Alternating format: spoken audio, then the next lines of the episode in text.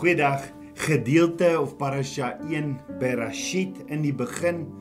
Ons tema vir oggend al die stories sonde dan nommer 4 vir die week. Ons het ons het saam met duisende mense reg oor die wêreld die week begin lees in die eerste gedeelte in die Torah. En die vraag is is hierdie stories wat ons lees van Genesis 1 tot Genesis 6 vers 8 nie dalk almal hou dit nie dalk almal verbind is nie verbind tot mekaar nie? Of is Abba Vader se woord 'n bundel van morele stories en waarskuwings? Of dink daaroor?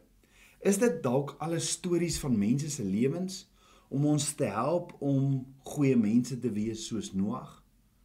Want Abba Vader se oë het die aarde deurgrond en een regverdige mens gesien en Noag het genade gevind in die oë van Abba Vader So is Abba Vader se woord klomp morele stories om ons lesse te leer, want sien so baie keer hanteer of behandel ons die eerste 5 boeke, die Torah se verhale of stories asof almal afsonderlike episodes is.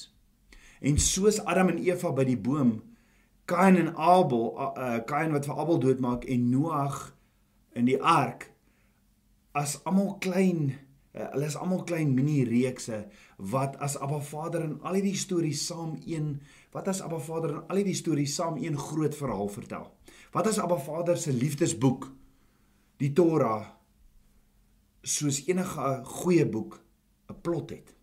Wat as elke storie spesifiek vertel en saam invloei in die volgende storie en saam opbou na een groot hoogtepunt. Maar sien soos enige boek sê Abba Vader nie vir ons vooraf waaroor sy woord gaan nie. Jy sien net omdat die skrywer Abba Vader nie vir ons vooraf sê waaroor sy boek gaan nie, beteken dit nie daar is daar's nie 'n goue lyn of 'n betekenis nie, maar dalk wag Abba Vader vir ons om dit te ontdek. Ja, Spreuke 25 vers sê dit dis sy geheimenisse is ons ons ons het nodig om dit te soek. So van Genesis 1 tot Genesis 6 vers 8 lees ons van 'n paar baie bekende gedeeltes wat ons baie goed ken, naamlik die 7 dae skepping van Abba Vader, die tuin van Eden, die boom van goed en kwaad, Kain en Abel en dan 'n lang lys van generasies van Adam tot Noag. Maar die vraag is, waarom vertel die skrywer Abba Vader vir ons al hierdie stories? Hoe pas al hierdie stories in mekaar en hoekom spesifiek hierdie stories? Die to die Torah, die eerste 5 boeke is noodsaaklik in kronologiese volgorde geskryf en Abba Vader is baie spesifiek oor watter gebeurtenisse hy gekies het om te vertel en in te sluit in sy woord en watter nie. Ons behoor byvoorbeeld nooit van wanneer Adam geleer het om vuur te maak nie of oor Adam se gunsteling dier of oor die landbou revolusie nie. Nee, hierdie eerste parasha tot en met na Noag bedek die eerste 2000 jaar op aarde en is almal gebeurtenisse wat Abba Vader gekies het om ons te vertel. So hierdie gebeurtenisse is nie net belangrike historiese geskiedenis nie. So hoe ontdek ons wat Abba Vader ons wil leer in die eerste 6 hoofstukke in sy woord? Hoor gou, dalk as ons mooi kyk na die stories van Kain en Abel, sien ons dat daar beslis 'n verenigde storie is en dit begin alles met 'n ongemaklike gesprek tussen Abba en Kain. En dalk sien ons ook in Abba se gesprek met Kain 'n parallelle lyn tot die oorspronklike sonde in die woord. So net na Kain sy broer Abel vermoor het, sien ons Abba Vader konfronteer hom deur vir hom 'n baie reguit vraag te vra en dit is: "Waar is jou broer Kain?" Hoor gou hoe antwoord Kain Abba Vader: "Is ek my broer se oppasser?" En Abba antwoord vir Kain met 'n straf Kain, jy word nou van die land af vervloek. As jy die grond bewerk, sal dit niks voortbring nie. En Abba Vader gaan verder en sê, jy sal 'n swerwer wees, 'n nomad en jy is ook uit jou huis verban. En dan is dit amper asof Kain besef wat hy gedoen het en hy roep uit met hierdie laaste straf en sê: "Vandag het U my van die aardbodem af verdryf en nou is ek van U aangesig van u gesig weggesteek. Met ander woorde, dit lyk vir my asof Kain en in Abba Vader se verhouding hier tot 'n einde gekom het. So dink daaroor. Laat enige iets oor die naderdraai van die moord van Abel jou herinner aan iets vroeër in Genesis. Is daar in enige van die ander stories in Genesis 1 tot 6 waar menslike sondes 'n skering veroorsaak het en waar Abba Vader se straf in die vorm van vloeke is? Jep. In die sonde by die boom van goed en kwaad, nê? Nee. Na Adam en Eva van die vrug geëet het, het hulle vir Abba Vader gaan wegkruip. So dink gou daaroor. Het Kain nie ook nie? Kain self sê, "Vandag het U my van die aardbodem af verdryf en nou is ek van U gesig weggesteek." Ons weet ook toe Adam vir Adam vir ag toe Abba Vader vir Adam gevra het toe toe ons weet ook toe Abba Vader vir Adam vra, "Waar is jy?" Toe Adam hoe Adam, hoe het jy hier gekom? Toe kruip Adam van sy verantwoordelikhede af weg en begin dadelik vingers te wys. Adam begin met die blame game te speel en sê dis Eva se skuld. Eva sê dis die slang se skuld. Maar hoor gou-gou, dieselfde woord wat Abba Vader vir Adam vra, toe hy vra Adam, "Waar is jy?" In Hebreëus is aeka, wat beteken "Waar is jy, Adam?" Ons sien dieselfde woord aeka toe Abba Vader vir Kain vra, "Waar is jou broer Kain?" Ons weet Kain antwoord Abba Vader, "Is ek my broer se oppasser?" So Kain was was ook besig om weg te skram van verantwoordelikhede af en dit ego van dieselfde reaksie af as wat sy pa Adam en Eva gehad het deur vingers te begin wys. Abba Vader het ook die grond vervloek, dieselfde woorde wat Abba Vader later gebruik het by Kain. Abba Vader het vir Kain gesê, "The ground is cursed because of you. In sadness you will eat of it all the days of your life." Ons weet die gevolg was dat Adam en Eva uit hulle woning, die tuin van Eden verdryf en verban is. Net so was Kain verdryf en verban van sy huis en het hy 'n swerwer, 'n nomad in die land geword. Met ander woorde, dit is baie duidelik dat daar 'n noue verband is tussen hierdie stories. Maar daar is iets anders of vreemd tussen hierdie parallelle, want die twee stories is nie heeltemal identies nie. Byvoorbeeld toe Adam en Eva begin vingerwys vir die rede van hulle sondes, toe was hulle nie regtig seker wie se skuld die sonde was nie. Want Adam het Eva blameer en Eva die slang, maar Kain erken nie eers sy sonde nie. Kain speel stom en dat daar selfs enige iets verkeerd is met wat hy gedoen het. Dat daar selfs enige iets verkeerd is met die alwetende almagtige God. Dan ook die grond was vervloek vir Adam en hy so harde harde tyd sweet op sy aangesig gehad het, maar Kain is vervloek van die grond af.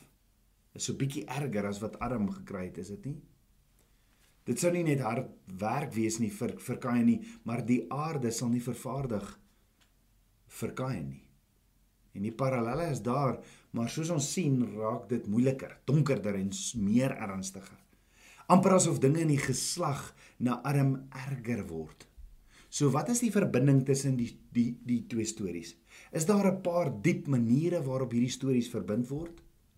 Miskien as die nasleep van hierdie sondes soortgelyk is, sal dit die rede wees dat die ding wat hulle ontlok het ook dalk soortgelyk wees. Want sien Kain se sonde moet verbind word aan die sonde van die boom van kennis van goed en kwaad.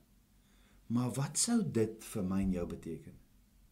Dit lyk dus of op 'n Vader se storie begin by die sonde by die boom en die vraag is is dit waar alles begin? Of moet ons dalk eerder vra hoekom het Adam en Eva sonde gedoen in die tuin van Eden? Nou in Genesis 1 word ons bekend gestel aan Abba Vader se karakter en die eerste ding wat ons weet is Abba Vader het bestaan voor die wêreld geskep is. En tog maak Abba Vader die besluit om die mensdom en alles wat die mensdom nodig het om lewe te skep. Abba Vader gaan uit sy pad uit vir die mensdom. Want onthou na elke dag sê Abba Vader na hy geskep het en dit was goed. Maar goed vir wie? Vir die mensdom met wie hy 'n verhouding wil hê en wie veroordeel wat wat wat voordeel sal trek van al die goedheid wat hy geskep het elke dag volg op mekaar nog 'n laag wat verklaar is dit is goed. Die Hebreë woord dit is stof volgens skepingsdoel. Dit was ook alles goed nog voor Abba Vader die mens geskaap het. Maar in hoofstuk 2 verklaar Abba Vader dat dit nie goed is dat man alleen moet wees nie en maak toe vir Eva. So ons sien dat Abba Vader is die kenner van alles wat goed is en wat nie goed is vir die mensdom nie. Is dit nie? En dat Abba Vader alles geskaap het vir die mensdom en dat hy moet vrugbaar wees en moet vermeerder. Maar dink daaroor, hoekom het Abba Vader die aarde geskep vir die mens? Of 'n beter vraag, 'n vraag wat ek baie hoor en en dit is, wat is die betekenis van ja, van my en jou bestaan? Ons sien Abba Vader kom nie dadelik uit sy woord om ons te vertel nie, maar ons sien wel dat Abba Vader se skepping van die aarde 'n groot daad van liefde is. Want hy wil 'n verhouding met die mens hê. So in die eerste 2 hoofstukke van Genesis sien ons dat dit gaan alles oor dit wat Abba Vader vir die mens gee. Maar met 'n beperking. Wat was die beperking? Die beperking was die boom van kennis van goed en kwaad. Abba Vader sê eet van die bome van die tuin, maar nie van die boom van kennis van goed en kwaad nie. Die vraag is hoekom sit Abba Vader 'n boom in die tuin van Eden waarvan hulle dan nie mag eet nie? Ek en en en dink daaroor, dis mos nie so dis ook nie so moeilike opdrag nie. Hulle het toegang tot alles. Maar hulle mag net nie eet van die boom van kennis van goed en kwaad nie. Maar nog steeds weet ons eet hulle van die boom. So hoekom skep Abba Vader 'n boom wat off limits is in die eerste plek? En hoe het Adam en Eva so misluk? En wat was die gevolge gevolge van Adam en Eva se ongehoorsaamheid? Jy sien Abba Vader is 'n Vader van verhouding en wil 'n verhouding met jou hê, tabernakelskind van Abba. Abba het die tuin geskep waar die mensdom saam met hom kan leef, 'n paradys. 'n geskenk vir die mensdom, 'n platform 'n platform waar Abba Vader 'n bruid skep om met hom te dans. Maar Abba Vader wil hê ons moet verstaan. Hy wil hy wil hê dit moet verstaan, dit kom van hom af. Wanneer 'n ouer byvoorbeeld 'n kind 'n geskenk gee, dan wil die ouer hê die kind moet die geskenk geniet in die konteks van hulle verhouding. Maar as die kind reageer asof hy dit verdien en vergeet dat dit die ouer is wat die geskenk gegee het, dan beskadig dit die verhouding tussen die ouer en die kind. Daarom sê Abba Vader: "Eet van al die bome, geniet my tuin, maar ek wil hê dat jy moet weet dat dit van my afkom." Omdat ek 'n verhouding met jou wil hê en omdat ek jou volgens my beeld se lem Elohim gemaak het, gee ek jou 'n keuse. Gaan jy my gehoorsaam of nie. Die vraag is, hoe gaan ons bewys dat ons dit verstaan en dat ons in daardie verhouding wil wees en dat ons Abba Vader eer? Deur om dit te eer wat Abba Vader verbied het en om hom te gehoorsaam, te shema en om nie van die boom te eet wat hy verbied nie. Shema Shema beteken om te hear, listen and obey. En op hierdie manier bewys ons eer aan Abba Vader dat ons net gaste in sy tuin is en ons maak nie die reëls nie. Hy doen, Abba Vader doen. Abba Vader doen dit nie om ons weg te hou van enige pret nie, maar om ons te beskerm. Abba Vader is 'n Vader van verhouding en wil net sy kinders beskerm. Hoekom hom nie vertrou en doen presies dan soos hy sê nie? Hoekom gee ons nie net totaal na oor en sê you created me. You created this earth. I will obey you. U weet meer as wat ek nodig het. En daarom sal ek u gehoorsaam. Kom ons bid saam. Abba Vader, skepper van hemel en aarde. Ek loof en ek prys U, Abba Vader. Vader, dankie dat U my geskaap het met 'n skepingsdoel, met 'n unieke skepingsdoel. En eerstens is dit om in 'n in 'n diep intieme verhouding saam met dat ek saam met U in 'n diep intieme verhouding kan wandel.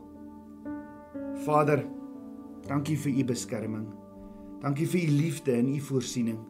Dankie dat U alles doen om 'n verhouding met my te wil hê. En Abba, hier is my hart om leef in my. Ek bid dit alles in Yeshua Messie se naam, die seun van Jahweh Elohim. Amen. Shalom. Goeiedag Tabernakelskind van Abba. As jy weekliks hierdie preke wil ontvang, Gaan volg ons Facebookblad en ons YouTube kanaal en jy sal dit weekliks kry. Mag jy 'n Shalom dag hê. Shalom.